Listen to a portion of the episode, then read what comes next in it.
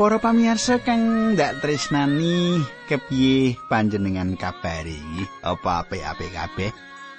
Ya, kita ketemu meneh. Aku Pendeta Pujianto kangen nek ora ketemu karo panjenengan. Aku nek maca layang-layang panjenengan sing dikirimke marang aku. Waduh.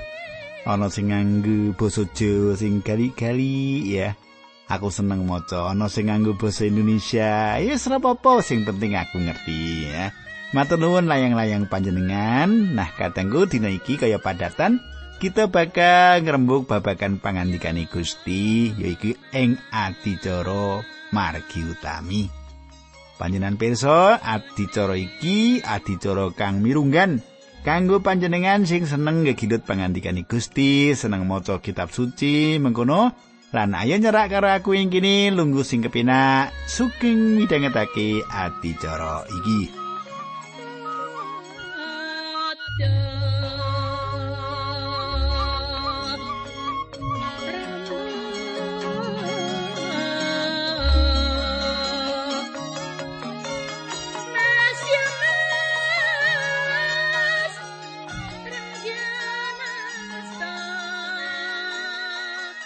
Katanggu kang dak tresnani apa panjenengan iki kelingan apa sing tak aturake nalika patemon kita ing kepungkur? Iki kelingan apa ora? Nek ora kelingan tak bereni sethithik wae supaya ngilingake panjenengan perkara-perkara apa sing tak aturake marang panjenengan ing patemon kita kepungkur. Ing patemon kita kepungkur nelakake aku nerangake marang panjenengan yaiku nelakake kepriye nggone para wong Parisi lan para wong ahli Taurat ngremehake.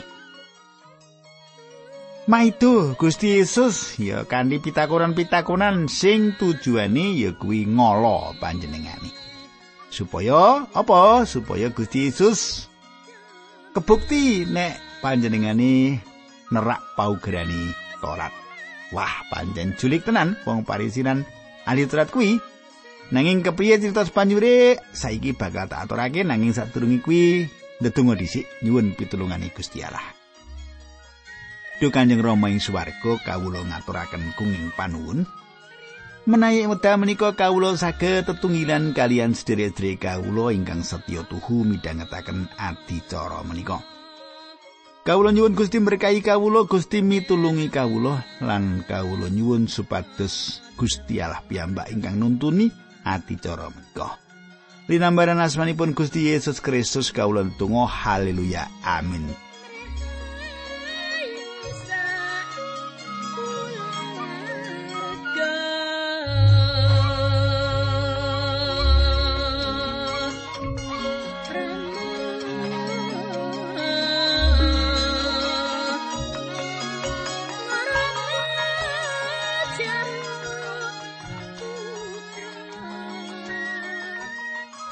Para pamirsa, saiki wis tekan Injil bab rolas.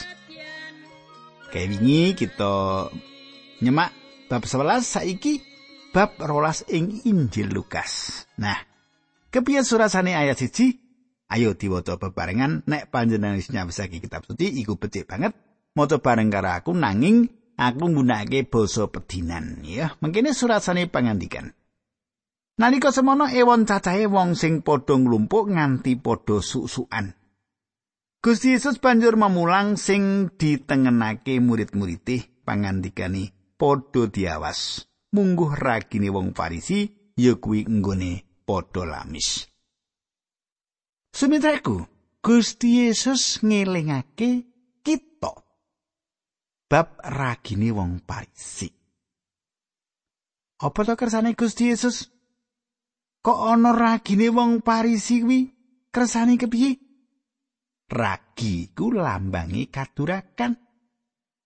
Lan ragine wong Parisi liring gambarake sifat lamis sing dipratelake wong Parisi. Kanggone jaman saiki akeh jinis ragi. Kaya jinise kadurakan sing ana. Katurakan sing ana saiki, jaman saiki. Ya toh? Wah, banget katurakan katurukan sing ana jaman saiki. Ayat loro nganti ayat limo. Mengkene. Samubarang sing ditutup-tutupi bakal katon lan samubarang sing digawe wadi bakal kawiyak. Apa sing kok kandhake ing wayah bengi kuwi bakal keprungu ing wayah awan lan apa sing kok bisake marang wong ing kamar sing kancingan bakal diwartakake marang wong kabeh. Gusti Yesus ngendika kowe para mitraku aja padha wedi marang wong-wong sing bisa mateni badan nanging sawise kuwi ora bisa ngganggu gawe kowe. Ayat 5 Kowe padha ndak kandhani sapa sing kudu kawedeni, padha wedya marang Gusti Allah sebab panjenengan kuwi sawise mateni badanmu uga kuwasa nyemplungake kowe ana ing neraka. Mulane elinga, iya panjenengan kuwi sing kudu kawedeni. Kadangku kang ndak tresnani. Cromwell lan Martin Luther duweni patokan supaya urip kita ora tansah kuatir. ora tansah kuwatir. Wedi marang Allah supaya ora wedi marang sapa wae. Iki jawabane nalika Cromwell ditakoni bab dasar nggone wani ngadepi sapa wae. Yo dasar iku sing ing ayat iki dingendikake dening Gusti Yesus. Wedi marang Allah supaya ora wedi marang sapa wae. Katenggu tak teruske Lukas 6 tekan songo. Lukas ayat 6 tekan songo bab rolas. Mano empret yen didorak prasasat ora ana ajine, ewa semono ora ana siji wae sing disupekake dening Gusti Allah. Malah dalasan rambuti sirahmu kuwi Gusti Allah pirsa cacahe, mulane aja padha wedi aji murak ngungkuli manuk emprit pirang-pirang. Kowe ngandelo karo sing ndak kandhake iki sapa sing ngaku dadi muridku ana ing ngarepe umum wong kuwi bakal diakoni uga dening putrane manungsa ana ing ngareping para malaikat Gusti Allah. Nanging sapa sing ana ngareping umum kandha yen dheweke kuwi ora kenal karo aku, wong kuwi ya bakal diselaki dening putraning manungsa ana ing ngarepe para malaikat Allah. Katengku, pangandikan iki, pangandikan sing dingendikake Gusti Yesus iki. Pangandikan sing seru. nalika abenajeng karo wong akeh. Keras. Sing antarane mau ana wong Parisi. Mula para pemimpin agama iku mesti banjur padha nyawiyah asmane Gusti Yesus. Karena apa? Sebab apa? Awit ya iku pangandikane Gusti Yesus sing seru nalika abenajeng karo wong akeh sing antarane mau ana wong Farisi. Dadi para pemimpin agama mau banjur rasa ora kepenak. Lukas rolas saya sepuluh sing sapa ngucapake tembung sing lawan marang putrane manungsa kuwi bakal diapura nanging sing sapa nyenyamah marang sang roh suci kuwi bakal ora diapura. Katengku pangandikan iki meratilake yen ana wong sing nyawiyah. Ngunek-ngunekke kanthi tembung kasar. Iku nandhake yen atine lagi nyawiyah lan unek-uneke kanthi tembung kasar marang awake dhewe. Lukas 12:11 Yen kowe digawa menyang sinagoga arep diadili dening pradatan ing pesaman utawa panguwasa, kowe aja wedi apa sing arep kok aturake kanggo milani perkaramu. Sebab ing wektu kuwi uga Sang Roh Suci bakal ngusiake apa sing kudu kok aturake. Sumitraku iki ora ateges supaya kita keset ngegilut isining kitab suci, apa meneh tumrap wong sing lagi nyiapake khotbah. ayat iki ditujokake kanggo kita supaya tetep mantep ing ati yen lagi makarya kagem Gusti. Ora wigah-wigih kanthi ati sing tetek lan mantep awit Roh Suci bakal paring kekuatan nalika ana ing peladusan utamane yen ketemu alangan saka wong-wong sing ora seneng marang Injil. Ayat 13 nganti 14 Lukas Injil Lukas bab 12. Ing antarané wong akeh sing padha ngrungokake piwulange Gusti Yesus mau ana sing nuli matur mengkene, "Guru, panjenengan dawuhana sederek kawula supados nyukakaken warisan ingkang dados hak kula." Pangandikane Gusti Yesus sedulur, sapa sing ngangkat aku dadi hakim kanggo nengahi nggonmu padha ngedum warisan? Katengku, nalika rawuh sing kapisan iki, Gusti Yesus jejer dadi juru wilujeng. nanging mengko ing rawi sing kapindho bakal rawuh jumeneng dadi hakim. Ayat 15. Gusti Yesus nuli ngendika marang wong kabeh sing ana ing kono, padha sing awas lan ngati-ati bab watekarem bondo sebab senadan wong bondo akeh ewa semono uripe wong mau ora gumantung ing bondo kuwi Kadangku ing jaman modern saiki kesrakaning donya bondo ngentekake wektu. Kesrakaning donya bondo iki ngentekake wektu. Kanthi mengkono ora ana meneh kalodhangan kanggo cedhak Allah. Golek bondo bae. Kesrakan iku dosane jaman iki. Kadangku Lukas 16 ayat 16, Lukas 12 ayat 16 nganti pitulas. Gusti Yesus tuli maringi pasmen mengkini. ana wong sugih duwe lemah akeh tur loh banget mulane asile lemah mau iya akeh banget wong sugih mau ngunandika mengkene apa sing saiki perlu dak tindake aku wis ora duwe papan kanggo nyimpen pametune lemahku kabeh. Kadangku sifat mentingake diri pribadi kantil karo uripe wong iki. Sifat mentingake diri pribadi kuwi kantil ing uripe wong iki. Aku aku lan aku. Nggonku bojoku bandaku duitku. Ya ngono kuwi. Panjenengan piye? Lukas 12 ayat 12 nganti 20 mungkin serasani saiki becik mangkene gudang-gudangku ndak bungkarane ndak gawene sing luwih gedhe meneh. Gudang-gudang mau bakal amet kanggo nyimpen pametune lemahku lan bandaku liya-liyani Sawise kuwi atiku lagi bisa ayam lan bisa muni, bejo aku simpenanku wis akeh cukup dipangan nganti pirang-pirang taun. Aku wis ora susah mikir apa-apa meneh, kari mangan, ngombe lan seneng-seneng. Ayat 30 lan selikur, nanging Gusti Allah ngendika marang wong mau, kowe wong geblinger. Bengi iki uga kowe bakal mati lan kabeh sing kok cawisake kanggo awakmu kuwi mengkone sapa sing duweni. Gusti Yesus mungkasi pasemon mau srana ngendika mengkono kuwi kaanane wong sing tansah nglumpukake bondo kadonyan kanggo awake dhewe nganti sugih banget nanging ana ing paningale Gusti Allah wong mau babar pisan ora sugih kadangku katone uripe wong iki apik-apik wae ora ana masalah apa-apa aman-aman wae lancar Nanging Gusti Yesus ngendika apa? Ngendikake yen wong iki bodho. Kenapa kok Gusti Yesus mestani bodho jalaran wong iki nggunakake kabeh kekuatan pikirane sing dipikir mung kanggo awake dhewe. Wong liya ora kepetong la iki sing jenenge serakah. Yen kita panjenengan lan aku nganggep yen sing paling perlu iki ngujo kanikmataning urip tok. Ora mikirake urip sawise mati mengko, urip kanggo pribadine dhewe wae. Nah, patrap sing mengkini iki Gusti Yesus mestani bodho.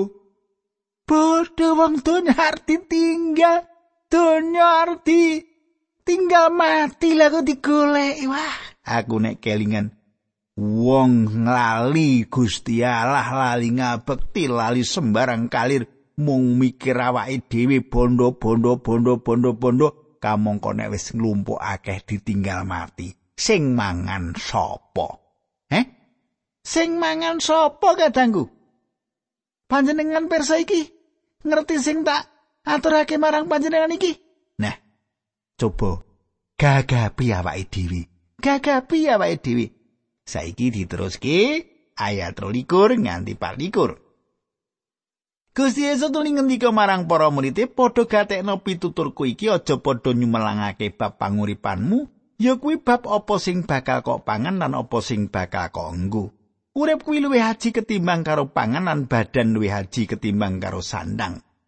Coba delengen manuk gagak. Manuk-manuk kuwi ora padha nyebar lan ora padha derep lan iya padha ora duwe gudang utawa lumbung kanggo nando pangan. Ewa semono padha diparingi pangan dening Gusti Allah. Kowe rak luwih haji ketimbang karo manuk-manuk mau. Dadangku. Panjen ora salah yen kita nyimpen donya. Ya. Panjen ora salah. Sing dadi masalahe ora kok nyimpen donyane. Sing dadi masalahe ya kuwi keserakahane. Wong serakah. Yo, wong serakah kuwi kadangku. Tangsah duweni sifat kepengin etok luwih akeh meneh. Wis duwe kurang, wis duwe kurang, luwih akeh, luwih akeh, lan luwih akeh. Aja mung semene, akeh, akeh, akeh. Ambekane ngantek pedhot ora sida akeh. Nek ketengku tak terus ke ayat selawe nganti 6 likur ya, mungkin rasane sapa ing antaramu sing bisa nyambung umure srana nggone kuwatir yen perkara sing sepele kaya mengkono wae kowe wis ora bisa nindakake ya kene kowe kok nyumalangake perkara-perkara liyane. Ayat 17 nganti 18 padha tamakno kembang bakung sing padha tukul ana ing ora-ora. Kembang-kembang kuwi padha ora nyambut gawe lan ora nenun nanging delengen senajan Sang Prabu Sulaiman pisan sing kaya mengkono sugi agemane ora ana sing endah ngungkuli kembang-kembang mau. Semono uga suket sing ana ing ora sing dina iki tukulan sesuk diobong Gusti Allah ngrenggo suket-suket mau kaya mengkono endah apa maneh kowe Gusti Allah bakal luwih menggalih bab sandanganmu nanging kowe dasar cupet ing pengandel. Kadangku pangandikan iki ora njurungi supaya urip panjenengan aleman ana ing ngarsane Allah. Pangandikan iki ora negesake, ora negasake, ora nyetakake supaya urip panjenengan iku aleman marang Allah. Gusti Allah wis maringi daya, kekuatan mikir, keterampilan, lan uga kekuataning badan. Supaya apa? Iki kabeh supaya dinggo supaya kita anggo nyukupi anggon kita urip ning jagat iki mesti iki kabeh ditindakake kanthi sumende ing sih kawalasane Allah mengkono kadangku diteruske ayat 29 nganti 31 mulane aja padha semelang lan aja padha bingung bab apa sing bakal kok pangan lan kok umbi Wong sing ngongso marang barang-barang ora wong sing padha rawanuh marang Gusti Allah. Ramamu ing swarga ora wis pirsa yen barang-barang mau kok butuhake. Sing kudu luwih kok perlokake ya kuwi mikirake kepriye bisane mbangun turut marang kersane kratoning Allah. Nuli barang liya-liyane kabeh bakal kawuhake dening panjenengane marang kowe. Katangku, donya iki kalimput ing dedagangan dol tinuku. dirasa-rasake donya iki kalimput ing dagang dol tinuku. Sing siji kepengin ngasilake saakeh-akeh. Sing siji kepengin tuku saakeh-akeh. Rong golongan iki padha nglalekake Allah sing ana ing swarga lan manungsa ing besuke bakal mlebu ing urip sing langgeng. Langgeng kamulyane utawa langgeng panyiksane karek milih. Salah siji kudu kita pilih dhewe. Panjenengan milih langgeng panyiksane? apa langgeng kamulyane? Wah, kula anu Pak, milih langgeng panyiksane ya golek bondo terus ngantek mati. Wong bondo ora iso dipangan ngene kok ya. Nah, kita. Wis mati apa iso mangan, kan? Malah anak-anak itu pecil-pecilan, babat-babatan arit, marga apa? Marga rebutan bondo. Akeh kan ning TV iso didelok ya. Saiki diteruske Lukas rola saya telung loro nganti telung papat. Kowe pepantan cilik aja padha wedi sebab ramamu ing swarga ngersake kowe padha dadi umat ing kratoni. Barang darbekmu padha dolono lan pepayone wenehno marang wong miskin, padha gawe wadah raja brana sing ora bisa rusak lan bandamu simpenan ana ing swarga. Ana ing kono kasugianmu bakal ora kalong sebab ora bakal dicolong maling utawa rusak mergo dipangan renget. Awet ngendi dununge bandamu? ya ing kono dununge atimu. Katengku kabeh wong ing mengkone bakal ngadep ing pengadilane Allah. Sapa sing urip tanpa dikandi Allah, matine uga bakal tanpa dikandi Allah. Saiki ayat 35 nganti ayat 38. Kowe kudu tansah siaga ngadepi samu barang perkara, klambimu cancutnya lan dianmu panjeren. Ora beda kaya abdi sing ngenteni kunduri bendarane saka pestane wong mantu, yen bendarane rawuh lan totok-totok lawang abdine mau inggal-inggal mbukakake. Bejo abdi sing sarawi bendarane ketemu isi melek ngandelo. Bendarane mau sawise salin ageman nuli bakal ngajak abdi mau kembul dahat. Ayat 38 nganti 40 Lukas 14. Apa manah yen rawe bendarane mau nganti tekan nungi utawa isu umun-umun mongko abdi mau ketemu isih padha melek. Abdi sing mengkono kuwi bejo temenan. Elingo, saupama wong sing duwe omah ngerti jam piro malingi bakal teko, wong mau mesti bakal ikhtiar supaya malingi ora mlebu ing omahe. Mulane kowe tansah padha siaga, awit putrane manungsa bakal rawuh ing wektu sing ora kanyono.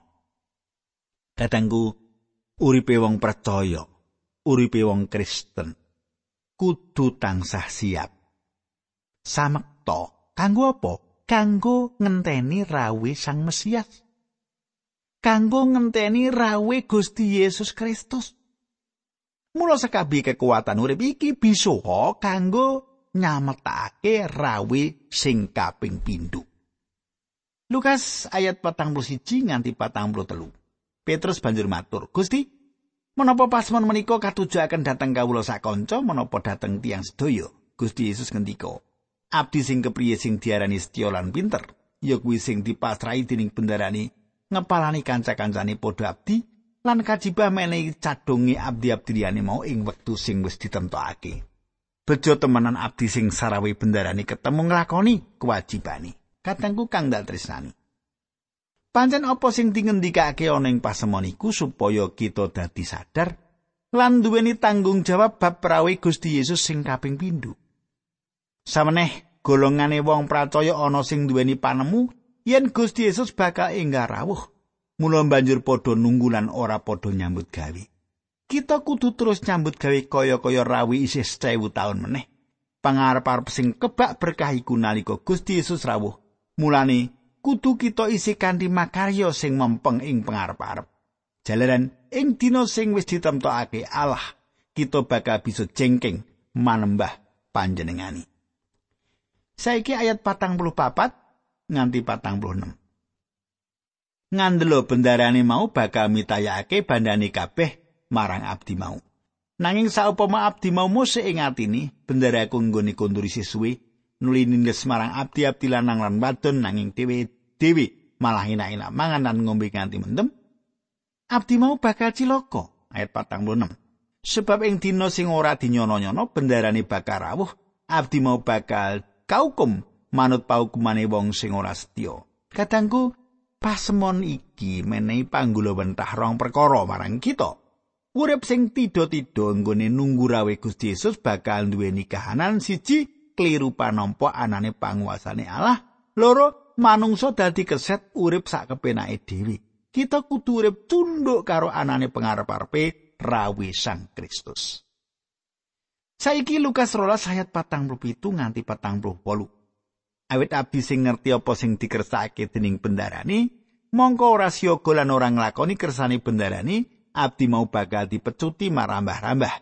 Nanging abdi sing ora ngerti kersane bendarane mongko sajroning nindakake kersane bendarane mau gawe kaluputan sing marake wong mau dihukum, hukumane bakal enteng. Sebab sing sapa diparingi akeh kuwi bakal dipunduti akeh lan sing sapa dipasrai perkara akeh uga bakal dipunduti petungan akeh. Kadangku kita ora ngerti dina iki apa sesuk, sasi iki apa sasi ngarep.